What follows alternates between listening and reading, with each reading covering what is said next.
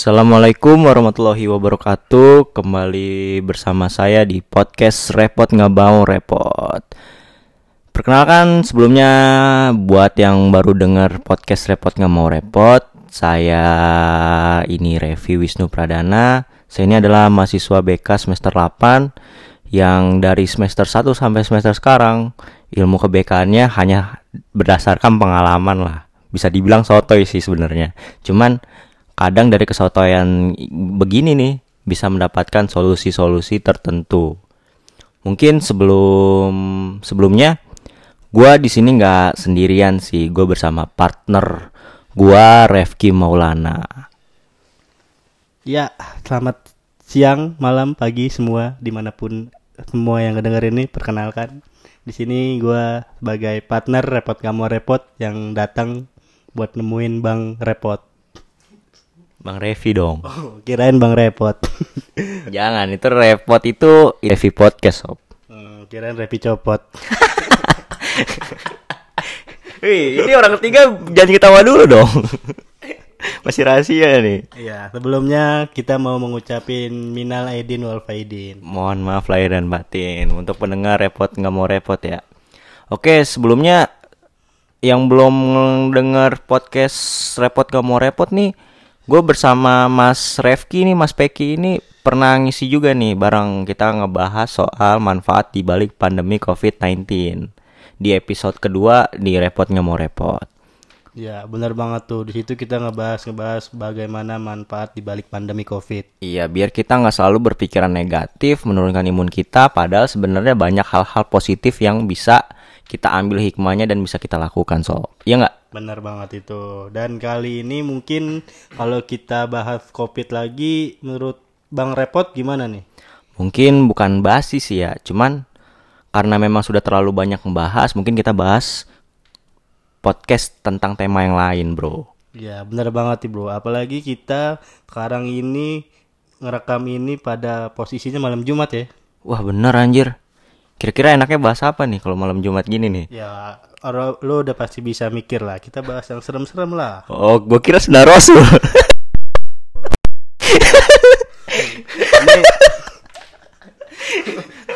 Sudah Rasul. Oh enggak. Berarti masalah horor ya? Iya, cerita-cerita horor kali seru kali ya. Iya, sebelumnya kondisi bener sih kondisi malam Jumat dan ini juga tepat di malam hari dengan kondisi di ruangan yang lagi gelap banget nih ya kita ngetek. Kayaknya emang mencekam banget sih untuk ngobrolin masalah ini. Iya, kayak copet lah kita lah malam-malam gini lah. Iya. Oke, mungkin kita langsung aja perkenalkan teman kita. Apa nanti dulu nih, Bos? Teman kita apa teman lu? Teman kita lah. Masa teman gue doang? Teman gua. Temen lu juga kan Oh, ini? teman- Teman sama-sama ya teman kita ya. Temen bersama. Oke. Oke, kita Ini pak. apa namanya? Kita punya teman salah satu seorang yang pakar ahli di bidang horor ya, kalau bisa dibilang. Sebenarnya sih pakar ahli dibilang pendakian sih. Oh, Pengalamannya jam terbangnya banyak banget di bidang horor-horor ya. Iya, horor-horor pendakian sebenarnya. Oke, kalau nggak gitu langsung lam aja kita undang. Ini dia pendaki horor.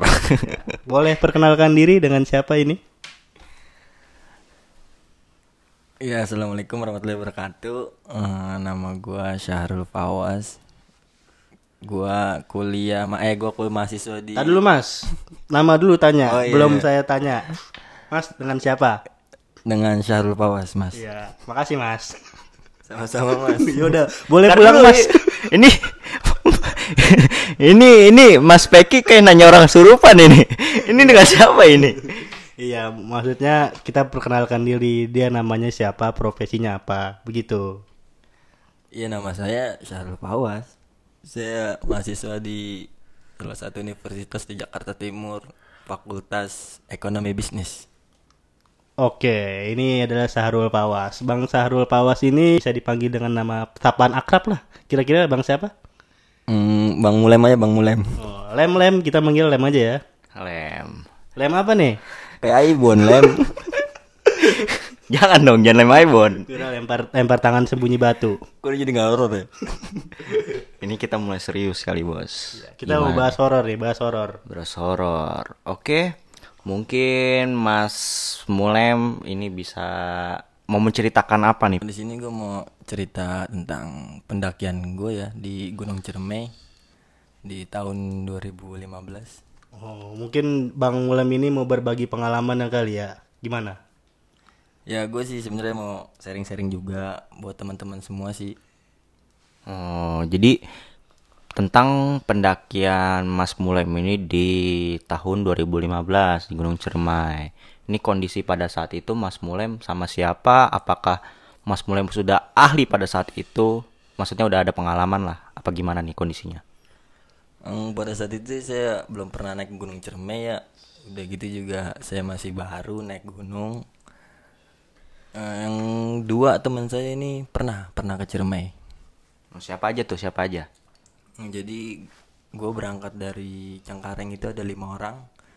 Eh, yang pertama gue sendiri, Mulem. Yang kedua itu Bewok, Denu, Menot, dan Gato. Hmm, keempat orang teman lu ini kayak gimana nih orang ini? Kalau yang dua ini udah pernah ya naik gunung ke Ciremai, si Gatot dan si Menot ini. Nah yang dua ini si Denu dan si Bewok ini belum pernah. Sama kayak gue bertiga ini belum pernah jadi naik ke Ciremai. Hmm, berarti Menot dan Gato ini bisa dibilang sebagai yang tua lah ya, bisa dewasa lah ya. Iya, kalian bertiga berarti minim pengalaman ya. Iya kita newbie semua mas, yang bertiga ini mas. Newbie semua. Belum naik pangkat ya. Belum belum masih jadi jongos. Lucu nih, horor. Oke, mungkin si Danu ya. Denu Denu. Oh Denu, Denu, Denu dan Bewok ini sebagai newbie orangnya kayak gimana nih? Oh kalau si Bewok ini emang orangnya kocak sih ya, cuman dia agak emang orangnya emosian kalau si Bewok. Dan kalau si Denu ini ya biasa aja akrab akrab akrab aja. Ke- Kebetulan gue bertiga ini Denu, Bewok sama gue pribadi ini satu sekolah bang. Oh gitu, satu sekolah. Terus terus? Ya yang Gato sama Menot ini orangnya ya dewasa lah karena dia udah sering naik bareng juga. Oke, berarti lu Denu dan Bewok ini satu sekolah, pernah satu sekolah tapi nggak pernah satu rumah dan Gato dan apa namanya Menot ini nggak nggak satu sekolah ya? Nggak, Karena kenal aja di Cengkareng ya. Iya betul. Teman main lah. Oh, teman main, teman main. Cuman dia lebih senior lah. Oke, Mungkin biar nggak kelamaan langsung aja kali ya. Bang Mulem bisa ceritain. benar.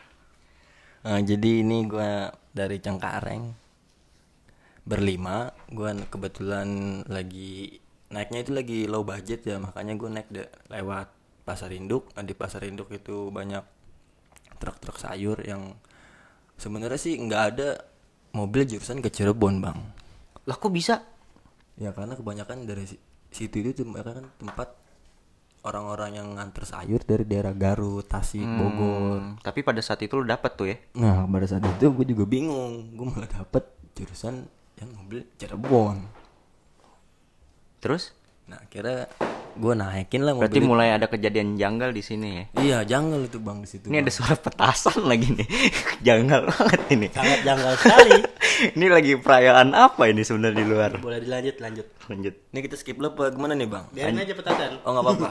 Iya, coba lanjut lanjut. Nah kira gue naik lah nih mobil truk sayur ini. Nah, gue nggak tahu tiba-tiba gue paginya gue naik malam kan. Paginya itu gue diturunin di dalam tol bang, di pinggir jalan tol bang, sama si supir ini. Katanya kalau mau naik Gunung Ciremai lewat base camp tersebut, lewat via tersebut, turun di sini aja. Ntar si abang naik lewat manjat terasering itu. Oke, ter- berarti singkat cerita lu naik ke atas. Naik ke atas kan ada flyover gitu kan. Heeh, terus? tiba-tiba gue lagi berlima lagi berdiri di pinggir jalan itu tiba-tiba ada angkot bang. Oh, ada angkot. angkot yang nyamperin bang. Hmm, terus? kata abang angkot itu mau ke mana dek? Yang gue jawab kan berlima mau ke Gunung Ciremai lewat via via A lah misalnya. Oh iya, berarti salah satu jalur di Gunung Ciremai lah ya. iya salah satu Gunung Ciremai. Akhirnya gue naik angkot tersebut. Habis gue naik tiba-tiba si Menot ngomong oh ini gue udah tahu nih jalan ini nih. Bentar lagi udah mau sampai base camp kok. Hmm. ke anak-anak Iya. Ah, nggak lama kemudian itu di depan itu ada orang hajatan bang Oh, berarti lu lagi tengah perjalanan nih nemu orang hajatan. nah dan orang hajatan ini jalurnya cuman kalau kita mau ke base camp itu cuma lewat jalur itu Cuma lewat jalur itu. Iya, nggak ada nggak ada muter Berarti lu nggak bisa lewat dong. nah gue bilang juga nggak bisa lewat kata Menot kita turun aja di sini udah deket kok Mm-mm. Nah, cuman si bapak tersebut supir tersebut ngomong nggak usah turun deh terus saya ngomong sama tukang hajatan itu si bapak itu turun nyamperin ke tukang eh tukang hajatan. Maksudnya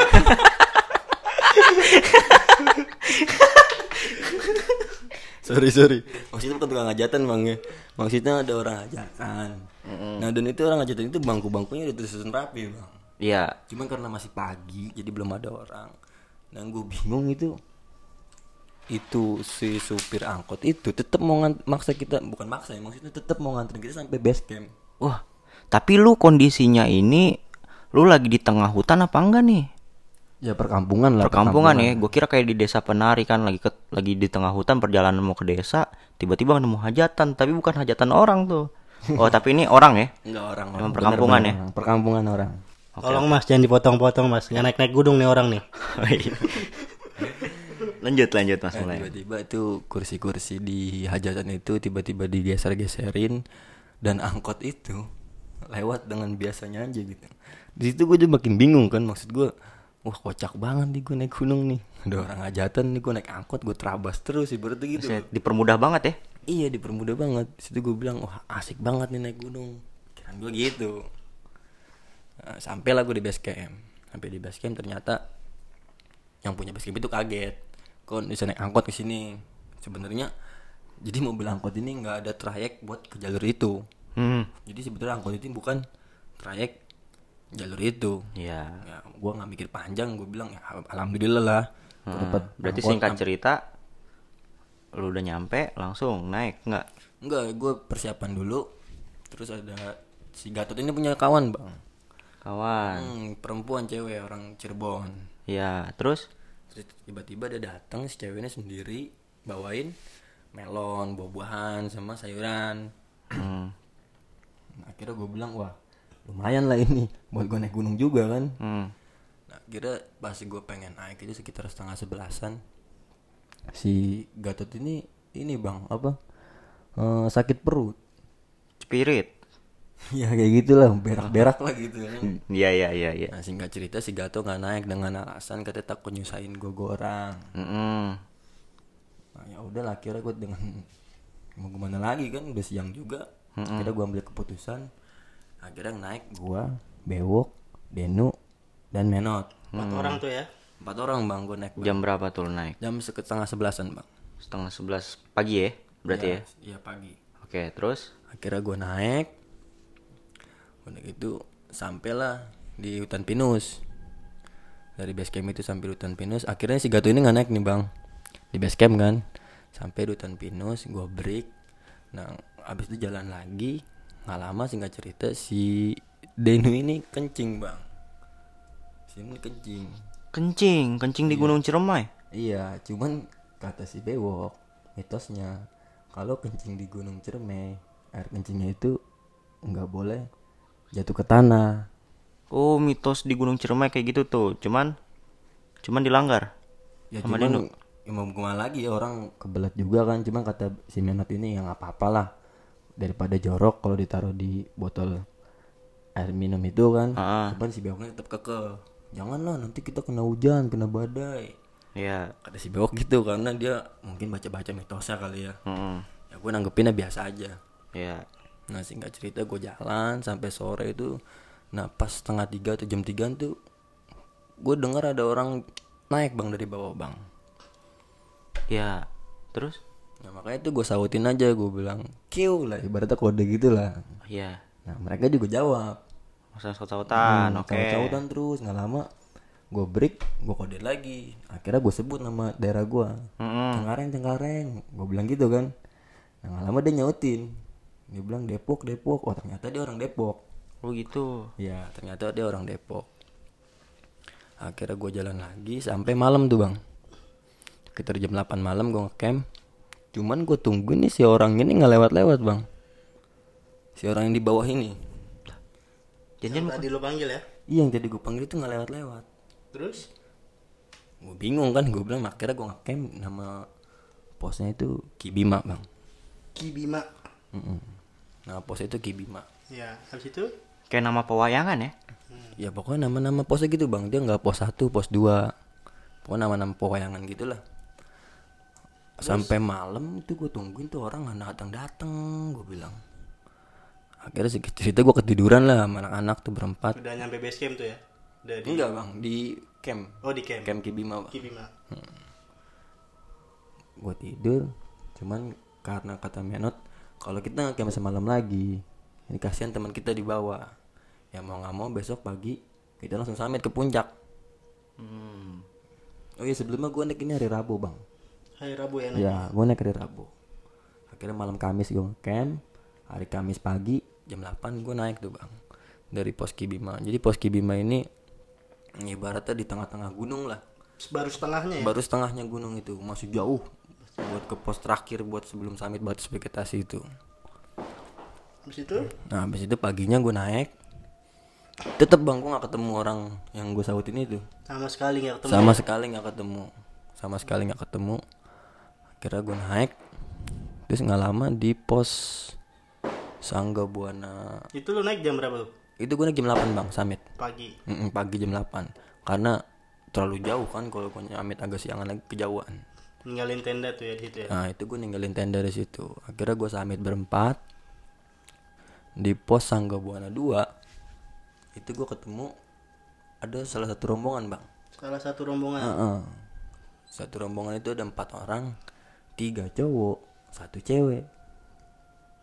Yang satu cewek ini mukanya udah pucat. Pucutnya kenapa tuh?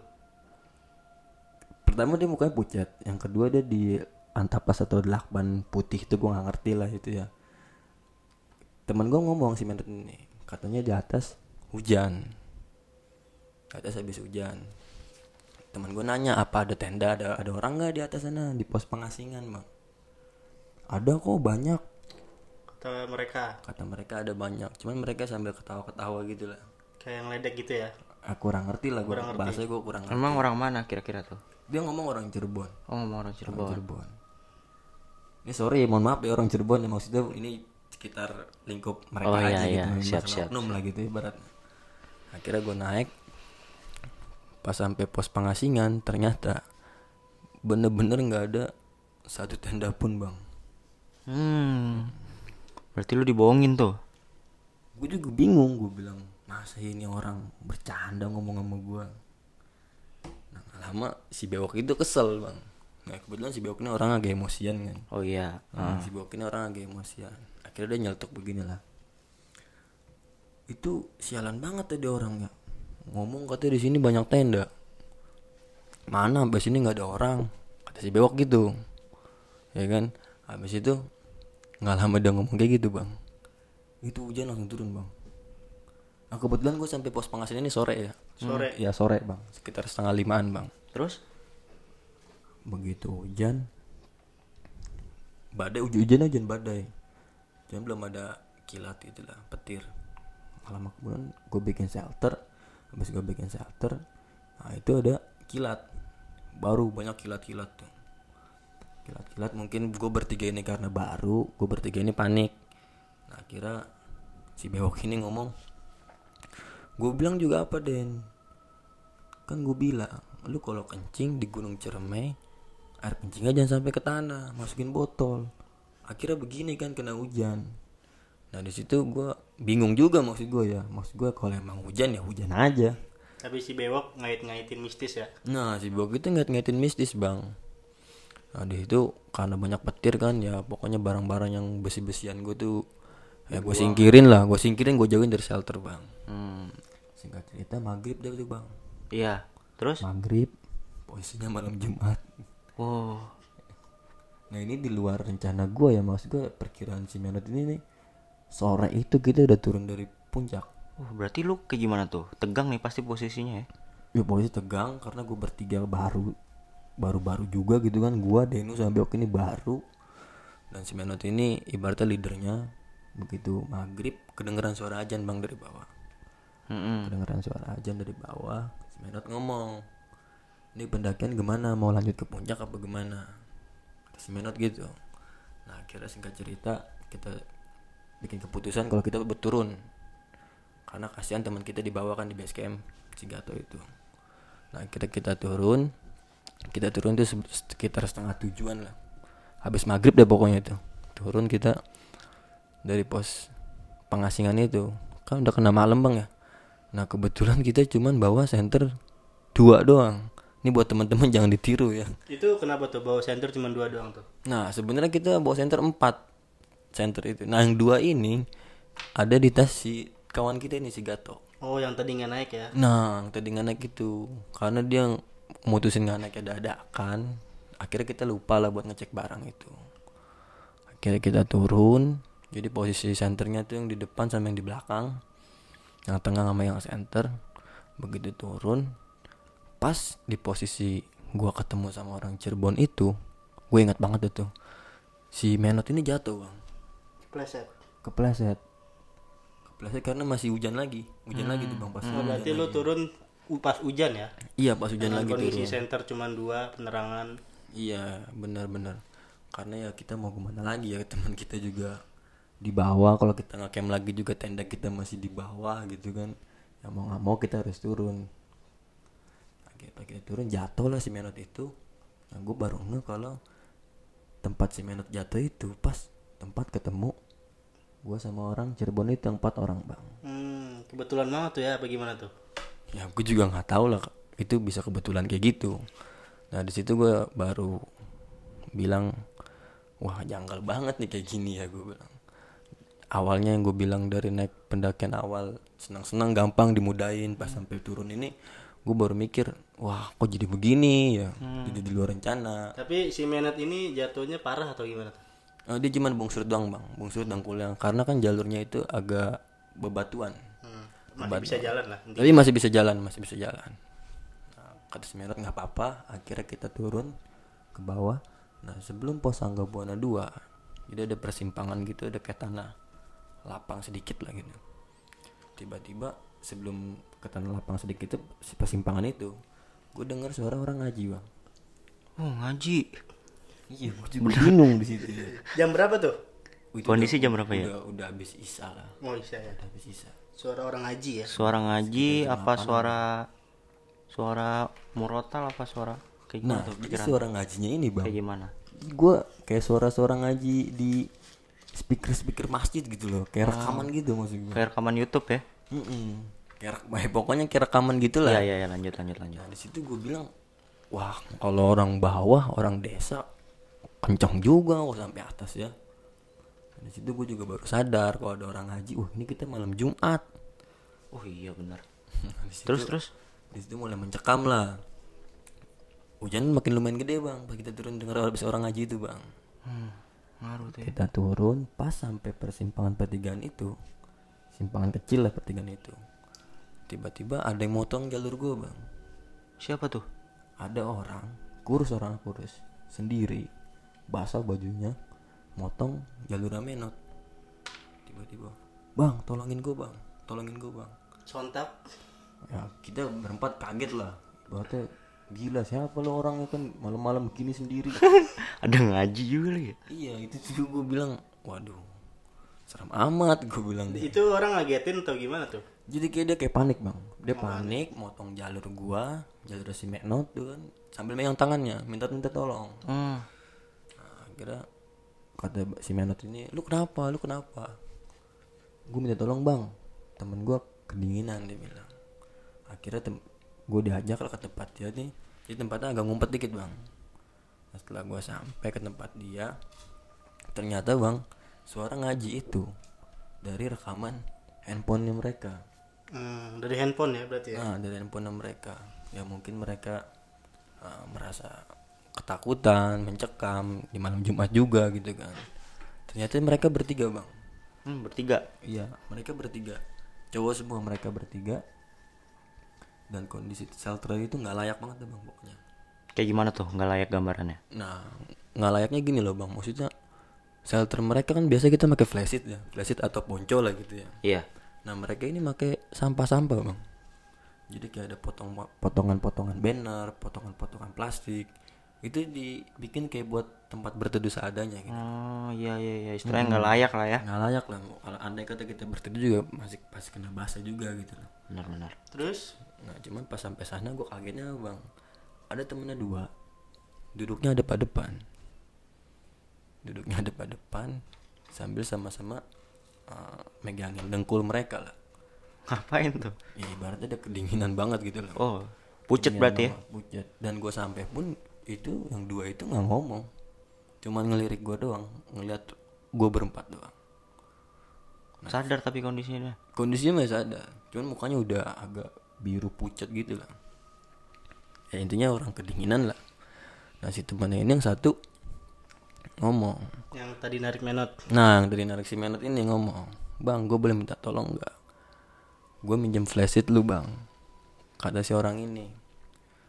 Dikasih minjem lah sama rombongan gue si menot nah akhirnya gue sempet bikin kopi lu bang situ bang bikin kopi ngasih ke temennya ngalah bikin kopi kita ngobrol ternyata dia orang Depok bang Oh, orang Depok ya. Mm-mm. Oh, berarti yang saut-sautan nama lu? Nah ternyata mereka orang Depok. Dan di situ gue bilang, lu ngecamp di mana? Gue bilang gitu kan. Yang kata dia, gue ngelewatin tenda oren bang. Dia bilang gitu, cuman bukan di pos. Nah itu tenda oren ini tenda gue. Gue bilang gitu kan. Nah singkat cerita mereka bikin flashit, ngopi, kasih minum ke temennya. Temennya masih belum ngomong bang yang dua bang, masih kedinginan. Nah habis itu alamat temennya ini yang sendiri nih tadi berhentiin gue ini ngomong bang gue boleh minta tolong lagi gak ada teman gue satu di bawah orang kan lagi sakit dia bilang gitu namanya Rizky bang orang Depok. Gue minta tolong sama lu bang. Gue minta tolong banget nih. Tolong jemput dia bang di dalam tenda. Ditanya kan sama temen gue di pos berapa? Nah mereka bilang gini. Pokoknya si orang ini bilang gini pokoknya nggak jauh dari tenda oren punya lu itu bang di atasnya lagi. Kalau dari bawah. Hmm. tepatnya di mana? Cuman bukan di pos bang kata dia. Tepatnya itu di bawah pohon bawah pohon gede cuman agak melenceng dari jalur. Dia cuma sendiri bang. Dia lagi sakit. Ah lu gila lu. Temen lu lagi sendiri lu tinggalin begitu. Si menot. Terus? ya gue juga mau gimana lagi bang? Nih temen gue dua juga mau mau summit mau muncak. Pengen banget ke puncak cermeng Maksain berarti ya? Tiga orang itu ya? maksain lah tiga orang itu dengan perbekalan seadanya.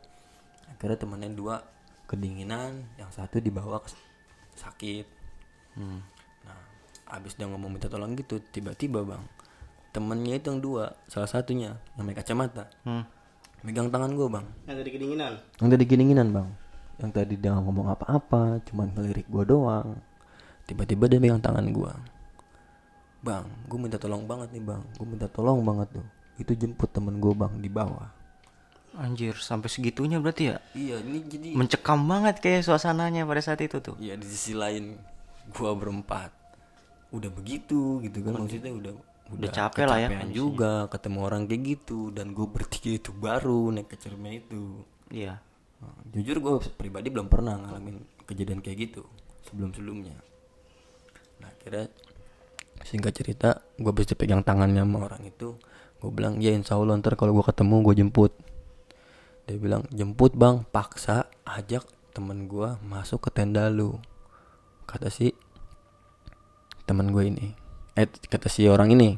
Kata si orang kat- orang kedinginan ya. kata si enggak yang ngomong ini satu lagi. Oh, satu Yang lagi. tinggi, yang yang tinggi. Yang dua orang itu yang satunya cuma ngomong minta tolong minta tolong doang. Jemput temennya. Akhirnya singkat cerita udahlah gua turun. Habis gua turun tiba-tiba gua ketemu tiga tenda bang Turun ketemu tiga tenda. ketemu tiga tenda Terus pikiran gua oh ini mungkin nih yang orang Cirebon tadi yang berempat Taunya? tahunya bukan rombongan lain ada satu cowok atau cewek lagi jaga malam mungkin ya Iya. Terus? depannya tuh api unggun ternyata bukan Bukan ya? bukan orang Cirebon itu karena pikiran gua kalau emang dia berempat ngapain buat tenda tiga Oh iya benar. iya kan Oh. nah kira gue nanya namanya Rizky orang Depok Oh, terus? nggak ada bang. Nama Rizky orang Depok. Tadi abang ngeliat gak tenda naik? Ada maksudnya tenda di bawah? Ngelihat satu. Tendanya warna oranye. Oh, oh, itu itu mah tenda tenda gua bang. Karena kebetulan tenda gua warna oranye bang. Hmm. Itu mah tenda gua. Oh nggak ngeliat lagi tuh. Tenda? Tendanya ukuran 5 bang. Satu. Dekat pohon. Gue bilang gitu. Nggak ngeliat ya kita kurang merhatiin ya. Dia bilang gitu. Hmm. nah akhirnya udahlah singkat cerita gue turun. Gue masih ngelirik kiri kanan kiri kanan. Siapa tuh ada tenda. Nyari tenda yang tadi dibilang Rizky ya. nah nyari tenda yang tadi dibilang Rizky itu bang. Nah begitu gue sampai di kayak di persimpangan gitu ada persimpangan lagi pecahan. Cuman terpecahan nemu lagi bang di depan. Di sebelah kiri itu ada pohon gede bang. Si Menot ini ngeliat. Ngeliat apaan? Di, di pohon besar? jadi si Menot ini merhatiin ada pohon besar di sebelah kiri karena dia mungkin ingat ya Hmm. ingat pesan dari si temen yang tadi di atas itu. Oh iya di pohon besar itu ya tanda tendanya ya. dia bilang tendanya di pohon besar dan bukan di pos campnya itu. Dan bukan di pos. Nah si Menot ini ngajak nyamperin ke pohon itu. Dan jujur gue pribadi takut ke situ karena pohon ini besar banget bang.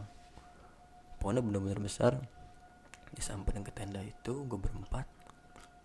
Ternyata ada tenda bang bener Bener ya yang dibilang tadi. benar ada tenda bang dan di depannya itu pokoknya bukan jalur. Maksudnya nggak layak banget lah itu orang buat ngecamp di situ gitu tuh. Iya terus lem. nah terus akhirnya diketok di santer-santerin diteriakin nggak ada yang nyaut bang di dalam tenda. Akhirnya karena si bewok ini orang emosian gitu kan. Mhm. Si bewok. Si bewok ini orang emosian bang. Temperamen. temperamen dia orangnya. Terus terus. terus dia buka lagi tuh teras tenda itu. Dia buka dia udah kesel kan karena kehujanan ya mungkin kecapean lah dia. Iya. dibuka tenda itu terus ada orang ngelirik bang dari dalam bang. Hmm. ada orang ngelirik dari dalam. Gue bilang sama anak-anak Rizky ya Rizky Depok. Dia nyautin iya bang Rizky bang. Dia masih takut-takut tuh Iya. ya karena dia ini kata temennya ini baru naik gunung bang Oh ba- pertama wajar lah kali ya wajar. pertama kali wajar. naik gunung iya Wajar. ya maksud gua kenapa lu ngekemah di situ gitu loh Iya, di deket pohon besar kan mencekam banget ya suasananya. pohon besar Terus terus. udah gitu gua ajak turun Iya. gua udah bilang temen lu di atas nyampein Sampein pesan. nyampein pesan kalau lu tuh harus turun sama gua maksudnya lu tidur bareng gua di tenda bawah Ya. tenda yang, tenda yang warna oranye lu ngeliat kan iya bang ngeliat cuman dia masih takut bang sama gua bang Karena baru kali ngeliat ya. karena mungkin baru pertama kali maksudnya dalam pendakian itu mungkin dia baru pertama kali ketemu orang Orang yang mau ngebantu kayak gini ya. Aneh juga sih soalnya kan ya. Pasti Aneh, ya. Bang. Bingung dia pasti. Satu- di sisi lain dia baru naik gunung Benar-benar. Apalagi di dekat pohon besar banget ya dia ngecamp. akhirnya karena ibarat negosiasi dia mau turun apa enggak Dipaksa-paksa. dipaksa-paksa masih takut akhirnya temen gue ini si Biok nih yang temperamen ini ngomong ngomong gini tenang aja gue bukan setan kok. Kata temen gue gitu. Nah gue agak sempet ngelirik Biok juga maksud gue ini orang emang bener-bener ketakutan. Jadi maksud gue lu nggak usah ngomong kayak gitulah. Maksud gue gitu. Bocor juga ya. iya dia orangnya apa ya? Selanang selonong ibaratnya kalau ngomong tuh. Yang buat teman-teman ya yang buat naik gunung bisa dijaga lah omongannya. Etikanya lah ya. iya etikanya bisa dijaga lah Jangan kayak bewok ya. jangan kayak bewok itu temen gue tuh Ugal-ugalan. Terus terus lah, terus terus. akhirnya dia itu mau lah bang. Diajak turun ternyata dia belum makan. Dia cuman pas teman-temannya summit itu pagi cuman dikasih indomie mateng. Indomie sedap gue inget banget tuh. Indomie sedap cuman sisa setengah. Ternyata dia nggak bisa buka kompor nggak bisa masak si Rizky ini. Oh, jadi dia nggak makan karena nggak bisa buka mata. iya sebenarnya dia lapar cuman dia nggak bisa buka Nggak paham ya. nggak paham lah. Nggak paham lah. bawah itu. Mm-mm, karena dia baru naik gunung juga kan. Dan pas keluar tenda itu dia tuh bener-bener apa ya ketakutan ngeliat sekelilingnya gitu loh. Ketakutan. Karena emang bener-bener kayaknya sih dia nggak pernah keluar tenda itu.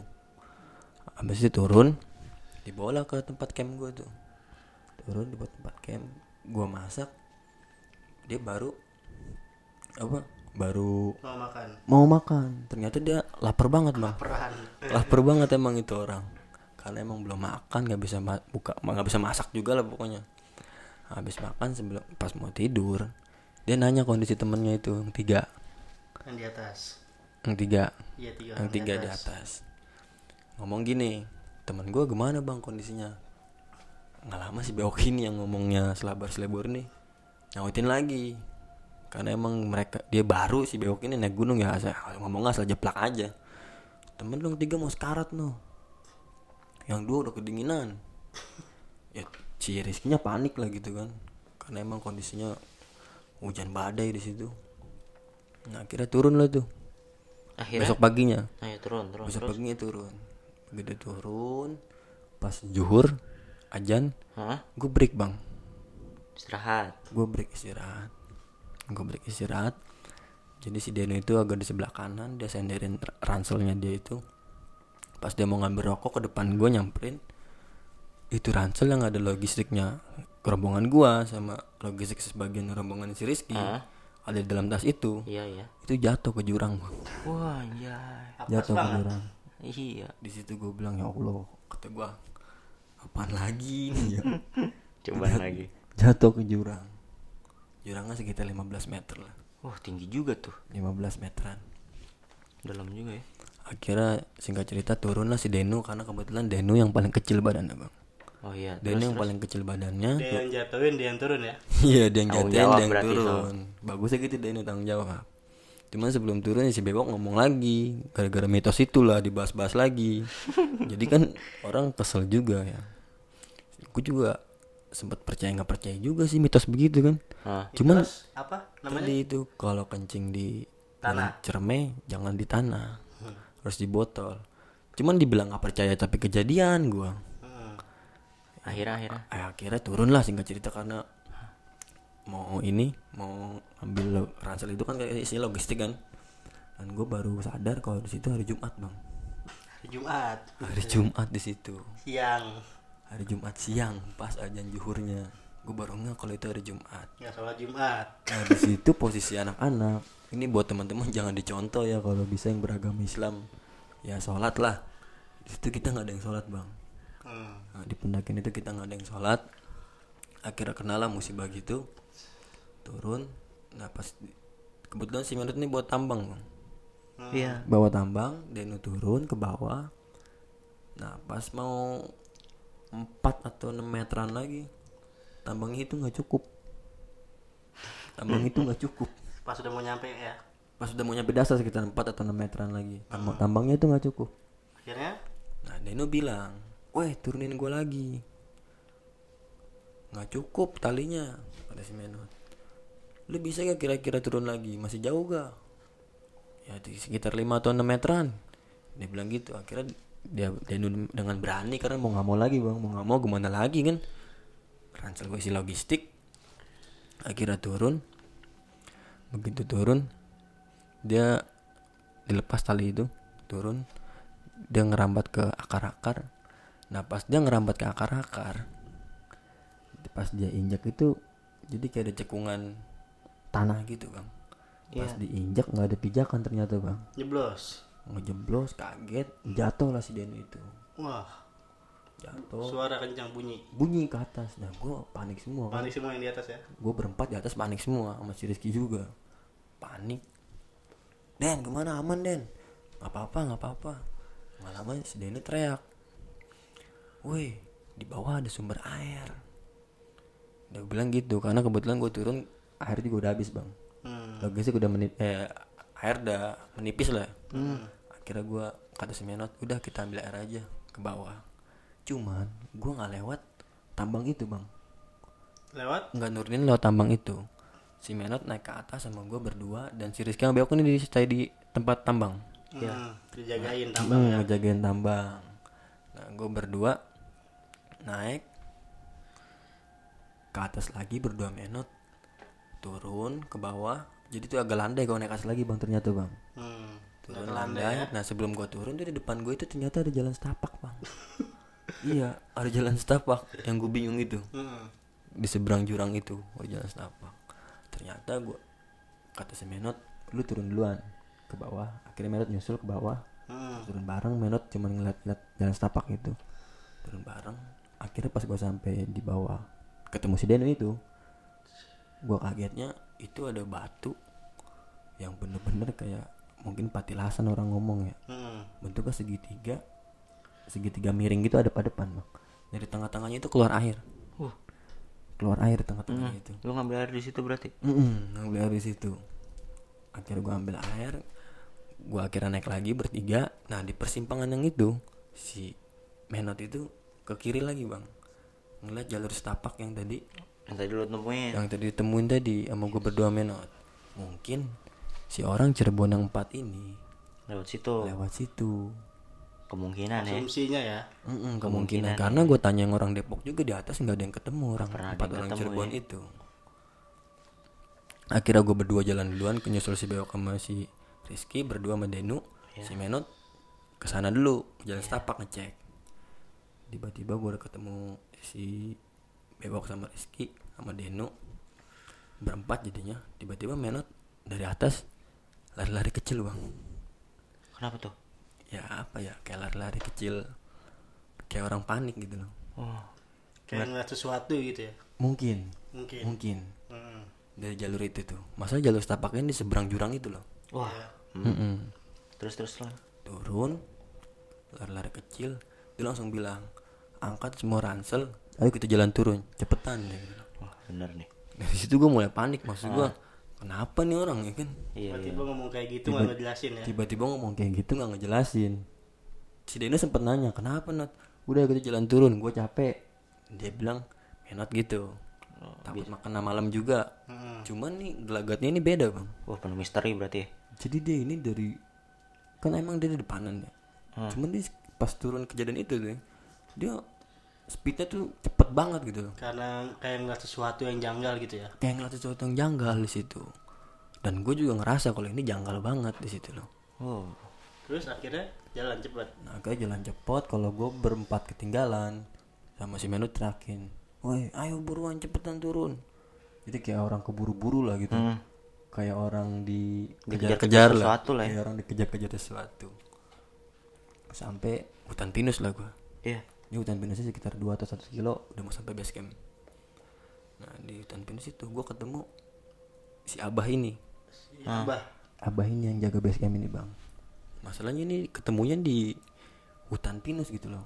Jauh ya. jauh lumayan jauh dari base camp. Dia cuman bawa cangkul bang. Terus? Cuman bawa cangkul tiba-tiba motong jalannya si Menot. Menot kaget. Eh si Abah salaman ya kan salaman terus si Abah ini nanya ini bukan yang orang Depok ya? Iya temennya yang bertiga naik ke atas. Si Bewok ngomong karena si Bewok lagi karena mulutnya ini ya. Eh, nggak bisa diredam. mulutnya nggak bisa dikontrol. Ngomong lagi iya dia lagi sakit ditinggalin. Yang tiga naik ke atas. Akhirnya dia bertiga juga mau sekarat no bah kedinginan. Abah ini marah. Maksudnya jangan sampai kejadian yang enggak enggak gitu loh di jalur itu akhirnya si abang ngomong gini di mana lah sekarang orangnya? Kalau emang mau disusulin saya susulin nih kata abah gitu. Nah si Rizky ini panik kan karena takut diomelin temennya. Mm-mm. masih abah ini. Akhirnya Rizky bilang nggak apa-apa bang nggak apa-apa saya juga nggak apa-apa kata si Rizky. Saya udah ketemu bang Menot juga nih rombongan Cengkareng akhirnya saya tidur bareng. Nah udah gitu turun lagi sampai base camp bang. Iya. akhirnya alhamdulillah sampai base camp sore Sampai base camp tuh ya. sampai base camp bang sore sampai base camp sore tiba-tiba hujan lagi bang Hujan lagi. habis maghrib hujan dan hujannya ini bener-bener gede banget bisa dibilang lebih gede dari Nah sebelum-sebelumnya. di pengasingan itu bang Sama ada petir awalnya hujan gitu kita udah bersih bersih sambil main kartu lah Iya. main Terus kartu. terus. terus nggak lama hmm, ada ini loh. Petir. Petir. petir. Dan di- itu dibarengin dibarengin suaranya. Jedar gitu. iya bunyi legar gitu kan. Nah jadi di base camp itu ada gardu listrik. Gardu listrik itu kebakar. Hmm. gardu listrik itu kebakar. Seketika malam itu juga malam Sabtu. Eh, Hari Jumat malam lah ya. ya Jumat malam malam Sabtu. Base camp itu gelap gulita Mati lampu tuh satu desa berarti. mati lampu Satu desa mati lampu. Satu desa mati satu lampu. desa mati lampu Iya ya dan terus. kebetulan di depan base campnya itu ada patilasan lah kalau kita bilang Wah. patilasan yang ada pohon beringannya terus dikasih ayunan yang dari ban kalau abang tahu gitu Hmm. sampingnya itu ada surau Iya. nah, kira si abah ini keluar dari rumah Hmm. Keluar dari rumah lagi karena kan mati lampu kan Hmm, Iya. nah, kita lagi main rame kita ditegur dia tegur ayo sholat dulu habis sholat baru makan Hmm. kita cuman bilang iya bah iya cuman bilang begitu Terus? tetap kita masih ngelanjutin main rame nah itu buat teman-teman jadi contoh ya Emang lu pada belangsak men. emang apa yang Dia jadi ngajakin main remi sih bewok. Nggak bewok sih maksudnya. ya maksudnya kita sambil ngelepas penat lah. Oh, iya. kita udah ketemu sampai base camp tuh ketemu si Gatot kan teman kita saat yang nggak naik Iya, terus terus terus. Mm, dan ternyata dia akrab sama Pak Kades bakar ayam di situ. Di rumahnya Pak Kades. Nah habis kejadian mati lampu itu eh gardu listrik itu kesambar petir. Ih, tadi kan sambar petir udah. iya iya. Habis kejadian kesambar petir itu abah itu masuk ke dalam surau Oh, surau. habis ngomong kita harus nyuruh sholat masuk ke dalam surau Surau itu apa, Lem? surau itu kayak masjid musola kecil lah Oh, musola iya. kecil. Hah. letaknya itu di bawahnya patilasan itu Oh, iya. kalau ibaratnya tengah-tengahnya itu pohon beringin antara surau dan petilasan ini posisi mati lampu jadi suraunya itu ada kentongan buat kayak bangunin orang kalau sahur lah mungkin di desa itu lama abah itu masuk dan anak-anak itu nyadar Abah masuk. abah itu masuk ke rumah. Iya. di malam itu ada kentongan tiga kali bunyi. Ketongan tiga kali bunyi. kentongan tiga kali bunyi. Cuman sebagian dari kita ngomong itu abah. Lah, kan abah udah masuk. Nah pikiran gue juga bilang gitu. Abah udah masuk. Sambil main kartu sambil bercanda-bercanda Itu Abah. Cuman ada salah satu teman gue ngelirik Dari balik biliknya itu nggak ada orang di situ. Nggak lama kejadian itu Abah keluar dari dalam rumah Nah di situ gue bingung kan gue bilang Masa ya sampai BS camp gue kejadian mistis begini Gue bilang gitu Diikutin berarti ya. Mm-mm.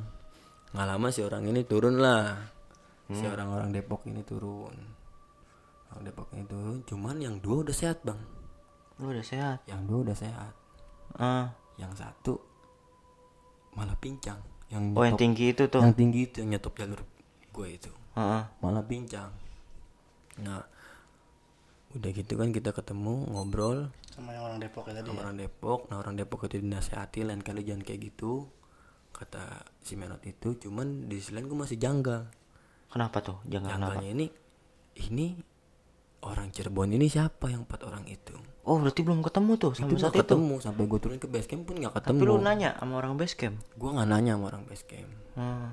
karena gue mikirnya positif mungkin dia lewat Jalur lain lah ya. jalur sebelah mungkin Hmm. jalur lain karena situ ada pecahan juga bang buat ke jalur lain Oh, iya iya. iya. sampai di base camp ketemu dinasehatin sama abah lain kali jangan begitu terus gue juga dinasehatin paginya Mm-mm. pertama nasihatin si Menot nah, cerita-cerita lah tentang jalur situ ternyata dulu singkat cerita paginya jalur itu bukan jalur pendakian awalnya jadi di Gunung Ciremai itu ini kalau gua nggak salah ya gue dengar dari orang base campnya ya Iya. dari orang base camp tersebut ngomong kalau jalur-jalur yang lain itu Awalnya. awalnya belum ada awalnya jalur lewat desa ini Mm-mm. cuman dulu bukan buat jalur pendakian bang Buat buat jalur, eh, wisata religi lah kalau orang ngomong jarah ya. jarah gitu Oh, jalur petilasan berarti tuh. ya tepatnya kayak gitulah jalur petilasan gitu Oh, makanya lu digangguin mulu. nah di situ gue pikir kaget juga di situ kan Mm-mm. oh ternyata kayak gitu ternyata dulu itu jalurnya bukan lewat jalur yang sekarang gue lewatin itu jalur renovasi bang Oh, gitu. kalau dulu tuh pendaki-pendaki awal-awal dibuka itu lewatnya jalur patilasan terus lebih jauh dari jalur yang sekarang Hmm. Hmm, singkat cerita ternyata sebelum gue pendakian ke Ciremai itu beberapa harinya lah mungkin satu atau dua hari. Itu ada yang meninggal di situ bang. Innalillahi wa inna ilaihi rajiun. cuman dia setelah istilahnya maksudnya penampilan lu bukan penampilan kayak orang mujiara Iya. cuman kayak orang pendak kayak kayak pendaki lah ya, kayak pendaki lah. Cuman di situ meninggalnya itu karena dia punya penyakit bawaan terus dia kedinginan juga bang. Hmm. Nah, cuman makanya orang base camp itu bilang kenapa nggak mau nyampein karena takut sebelum sebelum naik ini malah takut duluan gitu loh. Oh gitu. Makanya nggak disampaikan orang base camp. Cuman alhamdulillah selamat semua gitu bang. Alhamdulillah. Base camp. Jadi gitu ceritanya bang kurang lebih lah. Ceritanya kurang lebih seperti itu ya. Hmm. Hmm, menurut lu gimana, Mas Pek? sangat benar-benar ini ya banyak kisah-kisah yang tidak terduga ya di saat pengalaman-pengalaman Bang Mulem ini Iya, sangat banyak yang janggal sih. dari mulai ketemu orang Cirebon ketemu orang Depok Bukan yang paling janggal kalau menurut gua itu mulai dari perjalanannya, Mas Pek. dari awal Dari awal, bener-bener dari awal. Awalnya tiba-tiba dapat truk sayur yang sebenarnya nggak ada jurusan ke Cirebon, tiba-tiba ini ke Cirebon tuh ya. Bingung pada saat juga itu. itu malah. Terus dipermudah kayak gitu. buat lewat hajatan. Istilahnya tuh lu kasih dipermudah, tapi pas di atas tuh dipersulit dipersulit dengan hal-hal yang Janggal. berbau mistis lah, berbau janggal.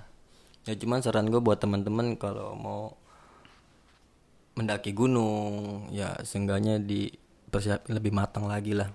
Iya. Dari mulai peralatan, kekompakan tim. Dan dijaga etikanya paling penting lah ya. Nah, itu paling penting, Bang. Jaga etikanya tuh, Bang. jangan kayak si bewok ya yang mulutnya ember ya Bener. Ya, gitulah. Cuman kalau menurut lu nih, gue dari cerita Bang Mulem ini kita dapat tiga poin horor nih sob. Pertama. poin-poin penting banget nih yang harus bisa di- kita simpulin ya Benar dari cerita horor ini. Pertama tuh misteri, kencing, tapi nggak boleh nyentuh tanah. Air Air kencingnya nggak boleh kencingnya. ke tanah. Misteri banget itu ya Misteri banget. Abis dari situ kan langsung kejadian nih, Bang Mulem kan sama rombongannya kan. Terus yang Cuman orang sebentar, Bang, ya. Cuma itu cuma mitos lah ya. mitos lah ya, mitos. Sebenarnya mitos nih. Mitos. Cuman nggak baik juga kalau kencing ditaruh di Botol kan Iya, benar kan benar jorok gitu kan. Iya, cuman emang gara-gara kejadian itu sampai bener-bener lu sial tuh ya selama pendakian ya. Iya, cuman sebenarnya kita lebih ke persiapan aja sih sebenarnya. Heeh. Persiapan lebih dilengkapin lagi lah. Kalau menurut lu seperti itu tuh. Mm-mm, Cuma menurut itu. pandangan Bang Peki gimana nih sebagai pakar horor? Hmm, sebagai pakar horor saya memiliki sudut pandang yang berbeda nih. Gimana dari si siapa namanya? Bewok ya? Si bewok ini emang harus dijaga mu- harus dijaga bacotnya nih. Dan mungkin kita harus tahu juga teman-teman kita pendaki kita tuh karakternya seperti apa sih? Betul, betul, betul. Enggak, maksudnya menurut pendapat lu ini mengenai yang kencing tadi, Mas. oh kirain bewok Jadi bahasa orang. kalau menurut Kencing pendapat tadi. saya kencing tadi sih ya mau nggak mau emang harus kencing di tanah cuman etikanya dijaga dan Enggak, maksud gue itu menurut lu mengenai mitos itu gimana, Mas? itu kalau menurut gue balik lagi ke pandangan perspektif masing-masing kalau menurut gue sih ya sah-sah aja lah tiba kencing di tanah daripada lu kencing di botol Oh, gue kira dari pakar horor nih men- ada pandangan berbeda nih. Ternyata pandangan kita pada sama lah ya. iya sama-sama Sebenarnya itu lah. hanya mitos sebenarnya lah ya. Bisa disimpulin. Lebih ke etika sih ya. Lebih ke etika. Dan yang kedua itu yang soal orang Cirebon nih. Ber- berarti belum ketemu lah ya sampai bawah ya. Sampai bawah itu nggak ada yang tahu info itu orang Cirebon. Nggak ada yang tahu ya. Masih jadi misteri sampai sekarang. Cuman gue masih mikir ya kalau dia lewat jalur lain lah gitu. Cuman yang gue nggak pikirin nggak di akal itu masa ya dia ngebohongin gua sih di Oh, iya. pengasingan itu. Apalagi lu diledekin ya, sempat diledekin lah ya. dengan bahasa ngomong sempat disindir lah. Disindir lah ya. dengan bahasa, mereka ya Dengan bahasa mereka dan gue sendiri pun nggak ngerti bahasa. Menurut lu gimana nih Mas Pek? Apakah menurut lu itu sindiran langsung dari Gunung Ciremainya secara langsung dengan sebuah apalah ya? kalau Petunjuk menurut lah. gue pandangan gue itu ketika itu mereka menilai menilai itu kenapa sih harus ke puncak tuh sore-sore? Kalau menurut gue begitu. Ngapain sih lu ke puncak sore-sore? Lu nggak ngelihat gue ya udah sakit-sakit kayak begini yang si cewek itu kan? Iya si cewek itu sakit bang ya. kalau menurut gue pesan mereka sih seperti itu yang gue bisa gue simpulin. Ya mungkin mereka bilang seperti pesan mereka seperti itu mungkin ya. Cuman di sisi lain kan gue juga di luar rencana itu. Kalau sampai jam segitu sampai pengasingannya. Jadi begitu ya. Berarti emang itu sebenarnya nggak terlalu jangan lah ya masih bisa kita nalarin lah ya. kita bisa pikir positif lah Menurut, tapi itu menurut gua hal-hal janggal tadi tuh dua poin itu dan terakhir itu yang di ketika lu turun itu nem menot kabur dan nggak tahu tuh kenapa tuh ya bukan kabur sih Eh, bukan kabur, kayak maksudnya lari cepet gitu lari, lari cepet, gitu. cepet terus nyuruh pada buru-buru tuh ya. Buru-buru. Dengan angkat ransel lu kita cepet turun. Belagapan kayak panik kan? Iya kayak panik gitu. Nah, itu padahal dia itu ya leader gua gitu. Nah ini menurut gue yang paling bener-bener janggal sekali nih mas. Ketika seorang leader tiba-tiba mengajaki untuk cepet-cepet jalan dan tidak dikasih tahu ya kenapa alasannya ya. nah itu gue juga bingung maksudnya kenapa ya sampai sekarang? Kenapa sampai sekarang? Dan dia itu orang tertutup bang kalau masalah kayak gitu. Oke. Menurut lu gimana tuh mas Pek Menurut gue tuh pandangan gue itu itu memang nggak bisa diceritain. Karena Menat punya cara berpikirnya sendiri bagaimana ketika mereka menyelamatkan Iya, pasti nggak bisa bakal bisa diceritain. Karena gue juga mikir pasti nggak bakal ceritain. Tapi menurut pandangan lu sendiri, itu kenapa Menot bisa kayak gitu? mungkin kiblat berak kali ya. Kenapa kebelat berak? Ada. bisa jadi sih bisa jadi Anda sih kenapa jadi. berak? Ataupun juga ngejar target nggak cuman sampai malam. yang gue inget tuh pesan dia ayo turun cepet gue udah capek dia cuma ngomong itu aja sih Bisa diartikan lah dia udah capek, dia mau main gaple kali. Oh iya. bisa jadi sih karena pas turun itu main remi sih ya kartu Ya, sangat menarik sekali ya cerita dari Bang Mulam ini ya. ya mudah-mudahan buat teman-teman bisa diambil pelajarannya lah Iya iya iya iya benar benar benar.